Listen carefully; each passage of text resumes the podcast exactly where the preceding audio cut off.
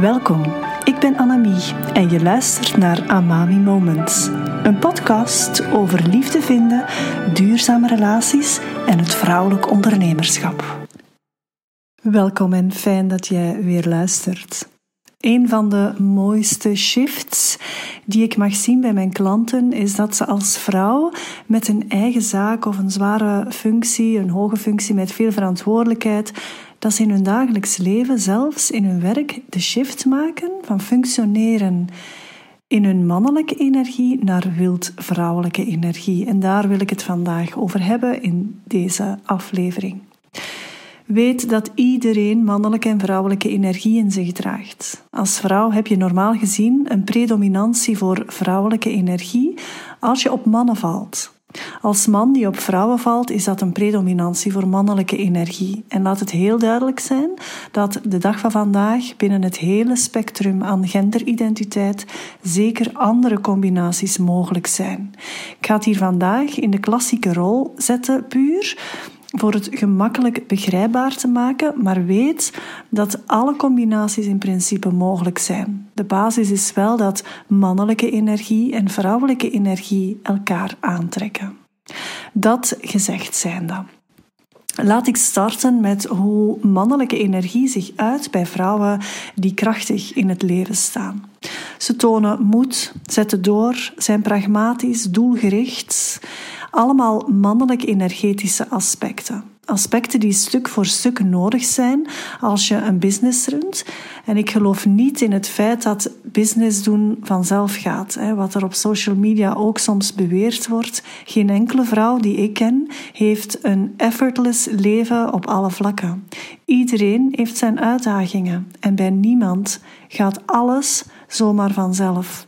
Het is trouwens net door veel te falen en tegen bepaalde zaken aan te lopen dat je net groei maakt.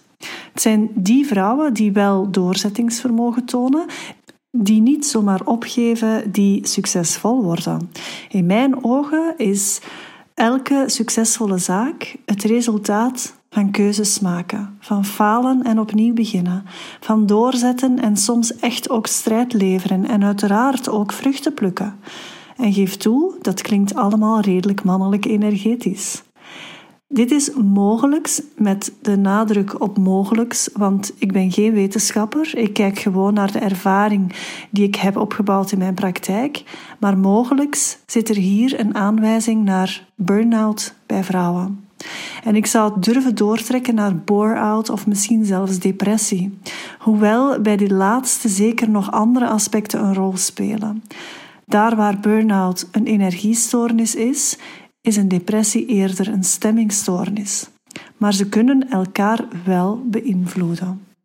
Ik geloof namelijk dat vrouwen die te veel en te lang in mannelijke energie zitten, terwijl ze een predominantie hebben voor vrouwelijke energie, dat dit hen in overlevingsenergie trekt. En dat daar de basis ligt van de burn-out. Langs de andere kant, als je kijkt naar vrouwelijke energie, dan gaat dat over voelen van binnenuit. Heel intuïtief, maar ook over overgave, toelaten, kunnen zijn, noem maar op. De vraag is hoeveel van die vrouwelijke energetische aspecten leg jij in je dagelijks leven? Hoeveel van jouw basisenergie stroomt er door je heen als vrouw? Hoeveel van die levensenergie, wat jouw basisenergie eigenlijk is, leg je onder alles wat je doet in je leven? En bij vrouwen die een burn-out ontwikkelen, merk je dat ze dat veel te weinig doen.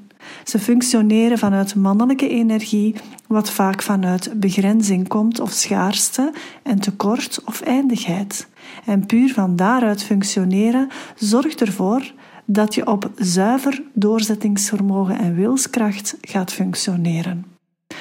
En ik zeg het niet dat dat niet kan of niet mag. En ik geef echt wel toe dat discipline in je zaak nodig is. Maar stel dat je daar meer van jouw eigen onderstroom aan vrouwelijke energie gaat toevoegen, gaat onderleggen. Dat je meer vanuit jouw diepe gevoel en je intuïtief vermogen Laat opborrelen wat jij werkelijk in de wereld te zetten hebt. Wat je volgende stap is in je zaak. Hoe jij bepaalde zaken aanpakt. Wat zou dat voor jou kunnen betekenen? En dan vooral in de termen van jouw energie.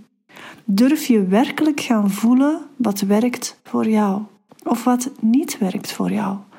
Kan je plaats maken voor intrinsieke motivatie in plaats van wilskracht vanuit je hoofd?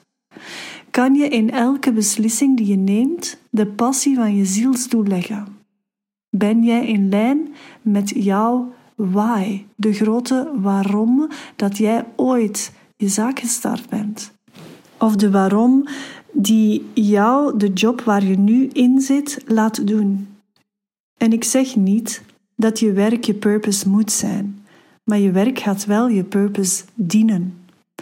Al is het maar dat het de rekeningen betaalt, bijvoorbeeld, waardoor jij voor je purpose kan gaan. En als je als vrouw erin slaagt om onder elke stap die je zet jouw vrouwelijke energie te laten stromen, als jij in het datingproces in diep contact blijft met jouw waarheid, als jij beslissingen neemt vanuit een innerlijk weten en je gaat van daaruit geïnspireerde actie zetten, dan zal je nooit uitgeput geraken. En dan spreek je niet meer over mannelijke energie, maar over wild vrouwelijke energie. Concreet wil dat zeggen dat je onder die mannelijke energie jouw levensenergie, jouw flow, jouw waarheid legt. Het is als de wind onder je vleugels.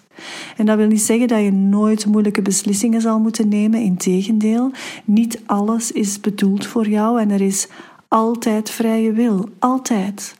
Dus voelen wat er voor jou is, gaat je heel erg helpen om je pad te bewandelen. En als dat wil zeggen dat je een andere weg in moet slaan, als jij voelt opborrelen vanuit je onderbuik wat jouw te zetten stap hierin is, dan zal dat steeds de juiste beslissing zijn. En zo gaat het ook bij het daten. Voel wat er opborrelt. Blijf in contact met jezelf en jouw waarden. Zet je open om vanuit je lichaam aanwezig te zijn. Laat het leven met je spreken en je zal voelen wat je te doen hebt. En dat is exact wat er bedoeld wordt met functioneren vanuit wild vrouwelijke energie. Als liefdesmentor help ik vrouwen het pad te effenen naar nieuwe liefde, juist vanuit de waarheid in zichzelf. Dus als jij daar graag hulp bij wil, boek dan een gratis love talk via de link bij deze aflevering en we kijken samen hoe ik jou best kan helpen. Vind jij waarde in deze podcast? Help mij dan mijn visie te verspreiden door de podcast te delen via je eigen social media kanalen. Geef jouw sterrenreview en volg de podcast zodat je geen enkele aflevering hoeft te missen. Heel graag tot een volgend Amami Moment.